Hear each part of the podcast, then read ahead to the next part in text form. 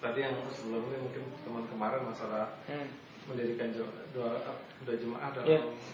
Satu masjid. satu masjid itu pengertiannya waktu bersamaan atau Baik. misalnya sudah selesai jemaah Baik, pengertiannya bagaimana mendirikan dua jamaah dalam satu masjid yang ada imam rotib, pengertiannya dalam waktu berbeda. setelah selesai sholat yang pertama, ganti yang kedua. kalau dia terlambat misalnya Kalau dia terlambat, tentu dia akan sholat masing-masing di rumahnya atau di masjid. Karena itulah petunjuk Rasulullah SAW. Namun tentu diperhatikan dalam hal ini sebagian para ulama kita membolehkan. Yang tidak boleh itu kalau dalam satu jam, kalau sedang berdiri jamaah bikin jamaah kedua itu tidak diperbolehkan. Sebagian mengatakan demikian. Tetapi wasahih dari dalil yang sangat kuat, baik itu dari perbuatan Nabi. Nabi pernah keluar Madinah, begitu masuk ke Madinah sudah selesai berjamaah, Nabi pulang ke rumahnya. Kemudian juga dari Hasan Basri, para sahabat Nabi, apabila selesai berjamaah, lalu mereka datang, mereka sholat furada masing-masing.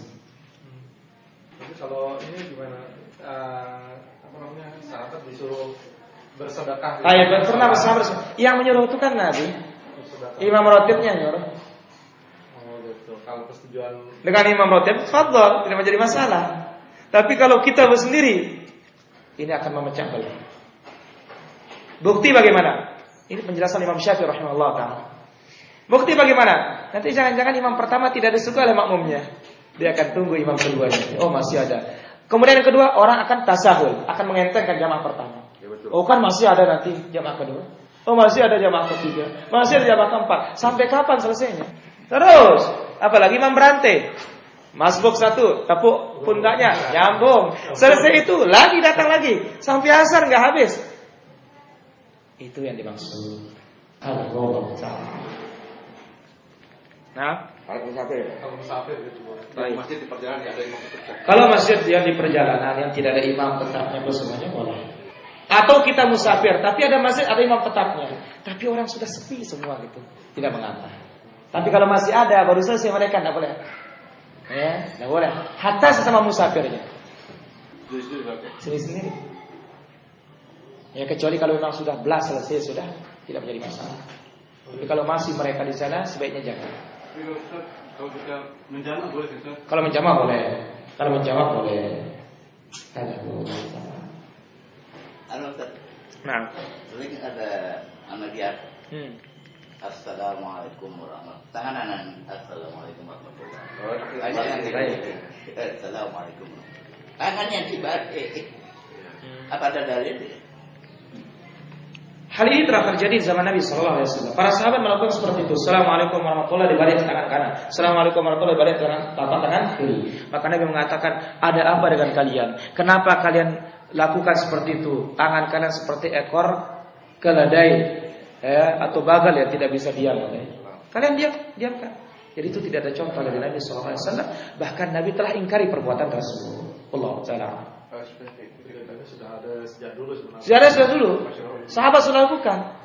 Ya. Tapi diingkari oleh Nabi Shallallahu Alaihi Wasallam. Diibaratkan seperti ekornya kuda. Ekor kuda nggak bisa diam. Eh, dia kok terbolak balik terus. Coba lihat ekornya kuda. Ya, ya. Masalah orang sholat Ustaz ya. Sholatnya pertama tidak khusyuk, push up terus ayat. Mendapat anu yang mudah sekali itu. Tapi dia menyempurnakan lagi dengan surat-surat rawatib sunnah-sunnah rawatib apa namanya? Ini Ustaz, apa ada harapan surat-suratnya itu diterima Ustaz? Nabi Shallallahu Alaihi Wasallam bersabda, Inna rajul la yansarifa min salatihi wa ma kutiba lahu illa ushruha tus'uha aw thumnuha aw su- sub'uha aw sudusuha aw khamsuha aw rubu'uha aw thuluthuha aw nisfuha.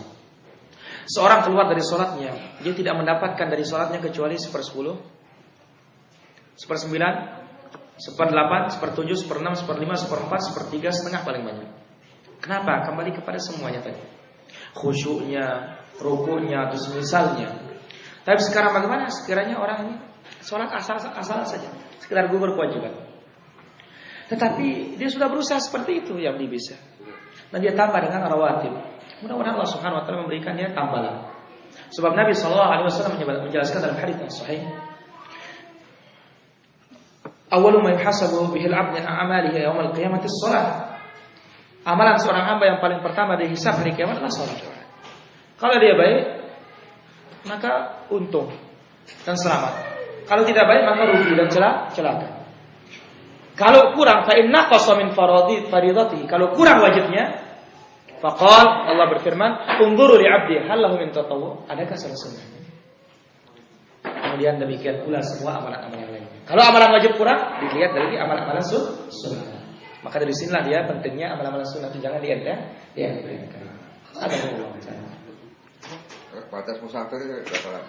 Batas musafir berapa lama? Tidak ada batasannya. Namanya orang musafir musafir. Cuma jadi permasalahan apa? Sholatnya. Sampai kapan dia menjamak dan mengkasar? Kalau menjamak itu menggabungkan waktu zuhur asar maghrib isya itu tidak ada batasannya. Selama dibutuhkan boleh menjamak. Kalau tidak dibutuhkan tidak perlu jamak. Adapun kalau mengkasar yang empat menjadi dua, kalau sudah ada ketetapan kita diam di satu tempat, empat bulan, satu bulan, lima tahun, dua tahun.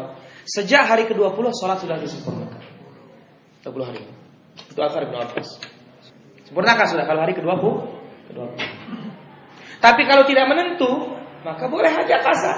Sampai kita balik. Umar, Ibn Umar.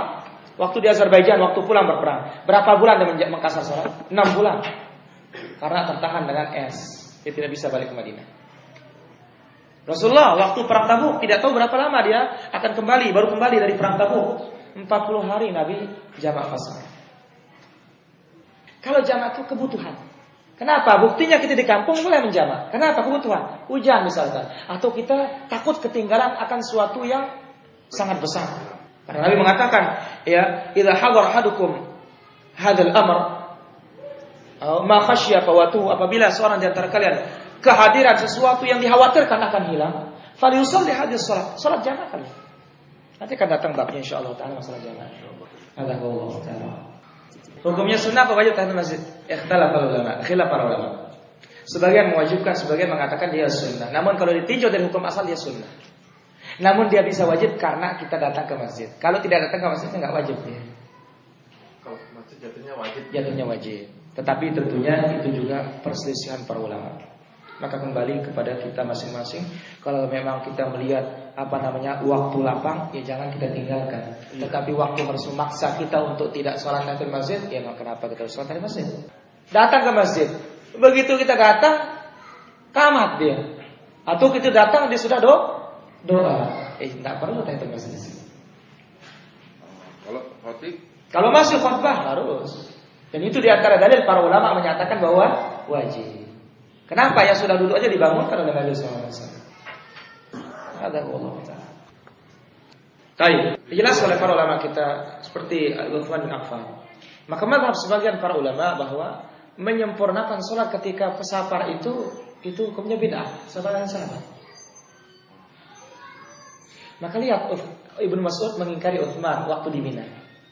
Apa katanya? Aku sholat di belakang Nabi di Mina dua. Katanya belakang Abu Bakar dua dua, di belakang Umar dua. Kenapa engkau empat? Pokoknya Utsman gak mau tahu, sholat aja karena Amirul Mukminin. Ini menunjukkan apa? Boleh dia lengkap itu. Cuma derajatnya makruh. Maka selesai sholat, Utsman, uh, Ibnu Mas'ud ditegur oleh orang. Eh, katanya engkau gak suka yang empat itu kenapa ikut? Al khilafu syar. Khilaf itu jelek. Selama masih ada jalan kenapa kita harus berbeda? Artinya apa? Untuk menjaga persatuan. Alhamdulillah. Mana yang bagus mengkosor atau tidak? Selama itu musafir, abdulnya mengkosor. Tapi kalau ketemu dengan orang mukim, abdulnya ikut orang mukim.